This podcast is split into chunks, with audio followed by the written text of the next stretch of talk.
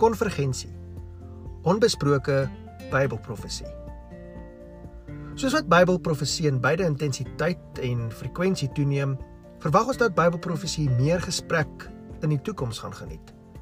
Hi, ek is Philip van die Kerk en welkom by nog 'n episode van Konvergensie, waar ons dieper kyk na wêreldgebeure deur die aanloop na die vasgestelde tye van God.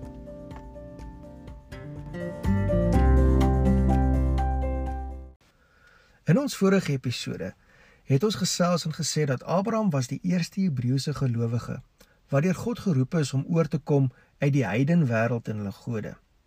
Abraham moes God dien in 'n nuwe land wat God aan hom en sy nageslag sou gee. Ons het gesien hoe hardkoppig Israel was en hulle toenemende ongehoorsaamheid om ander gode te dien ten spyte van die wet wat hulle moes onderhou. Ons het ook gekyk na die Godgegewe feeste van Israel.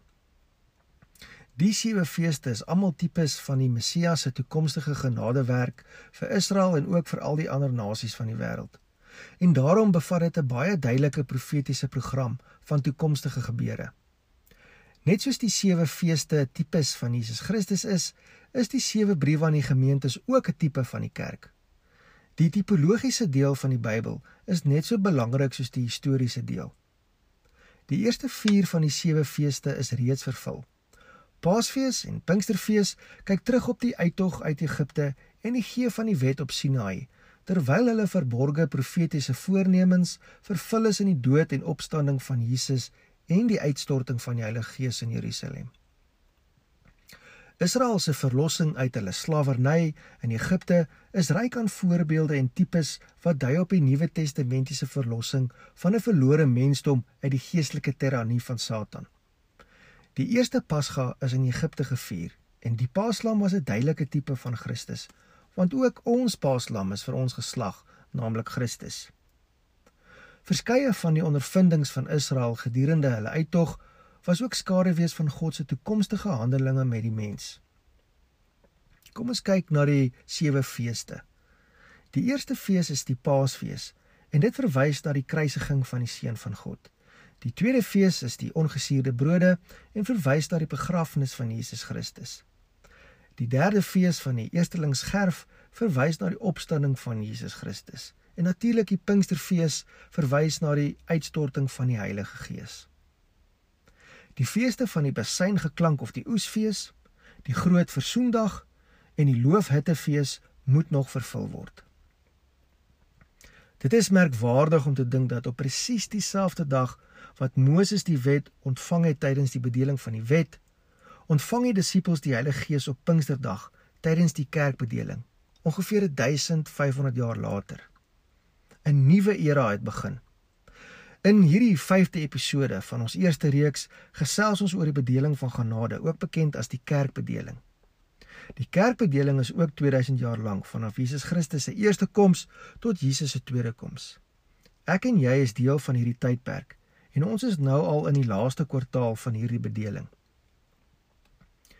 Die kerkbedeling begin na die kruisdood en opstanding en hemelvaart van Jesus Christus. Die Heilige Gees is uitgestort om mense te wederbaar en in die hele waarheid te lei. Tydens hierdie bedeling is die opdrag van die gelowiges om die goeie nuus te verkondig aan al die nasies. Ons lees in Matteus hoofstuk 28 vers 19: "Gaan dan heen en maak disippels van al die nasies en doop hulle in die naam van die Vader en die Seun en die Heilige Gees en leer hulle om alles te onderhou wat ek hulle beveel het." Die Allerhoogste bevestig sy verbond met al die nasies deur die kruisdood en opstanding van die Lam van God. Nadat God homself gedistansieer het van die nasies tydens die toring van Babel, is die nasies nou verenig soos ons lees in Openbaring 5 vers 9. Toe sing hulle 'n nuwe lied en sê: U is waardig om die boek te neem en sy seels oop te maak, want U is geslag en het ons vir God met U bloed gekoop uit elke stam en taal en volk en nasie. Galasiërs 3 vers 26 bevestig: En as julle aan Christus behoort, dan is julle die nageslag van Abraham en volgens die belofte erfgename. In die afgelope 2000 jaar is die goeie nuus verkondig deur die kerk aan die mensdom reg oor die wêreld.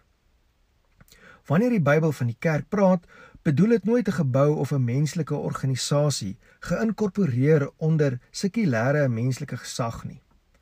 Die Griekse woord wat in Afrikaans as kerk vertaal word, is ekklesia. Dit word afgelei van twee stamwoorde in Grieks en beteken letterlik uitgeroep. Ons het reeds gesels oor hoe God Abraham uitgeroep het tydens die vorige dispensasie.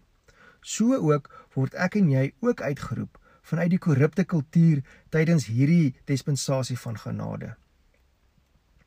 Openbaring hoofstuk 2 en 3 dien in die geheel as 'n omsendbrief aan die sewe gemeentes in die provinsie van Klein-Asië. Dit is nou in vandag se Turkye. Elke gemeente moes afsonderlik, maar ook gesamentlik hoor wat God deur sy Gees met hulle wil deel.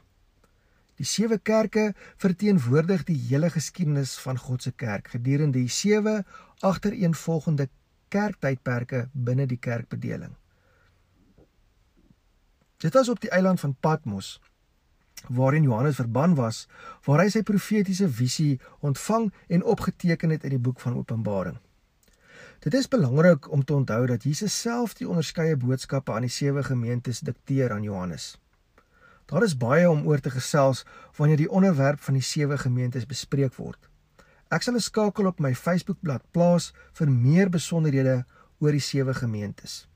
Kom ons noem gou die sewe gemeentes en die tydperk wat hulle verteenwoordig in die kerkgeskiedenis. Ons begin by Efese, die apostoliese kerk, 32 tot 100 na Christus. Smyrna, die vervolgde kerk, 100 tot 312 na Christus.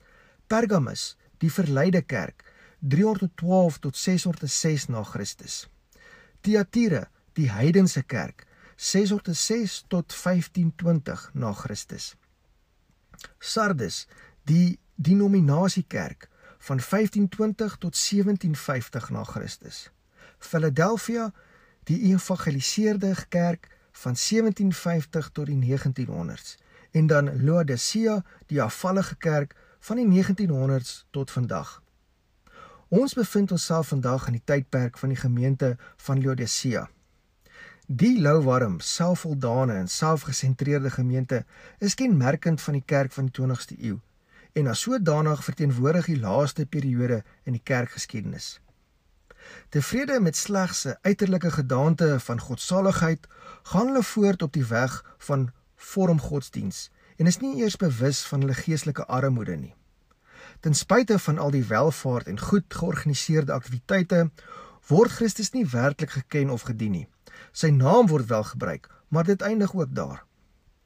Van so 'n stelsel van mensgemaakte godsdiens onttrek Jesus homself. Die selfvoldane en selfvergenoegde mens erken nie sy afhanklikheid van God nie en buig nie maklik die knie voor hom nie. Die kerk as instituut staan in die diens van die mens om die samelewing nog meer humanisties te hervorm met die gevolg dat daar in totale opset net 'n gedaante van godsaligheid oorbly. Laodicea beeld die rasionele maar agnostiese mens uit. Hy redeneer alles met sy verstand uit, gevolglik bestaan sy godsdiens net uit die uiterlike kennis van die Bybel. In ons eie lewens word ons uitgedaag om nie louwarm te wees nie, maar eerder om Jesus met ons hele hart te dien. In ons volgende potgooi gesels ons oor die bedeling van die koninkryk. In die duisendjarige vrederyk sal ons die ware gelowiges van alle tye saam met Christus in sy koninkryk regeer. Ek vertrou dat jy hierdie episode insiggewend gevind het. Jy is welkom om hierdie potgooi te deel met iemand wie jy dink die inhoud ook interessant sal vind. Vir meer artikels, volg my Facebookblad Convergence. En onthou, jy is waardevol in en vir God se koninkryk.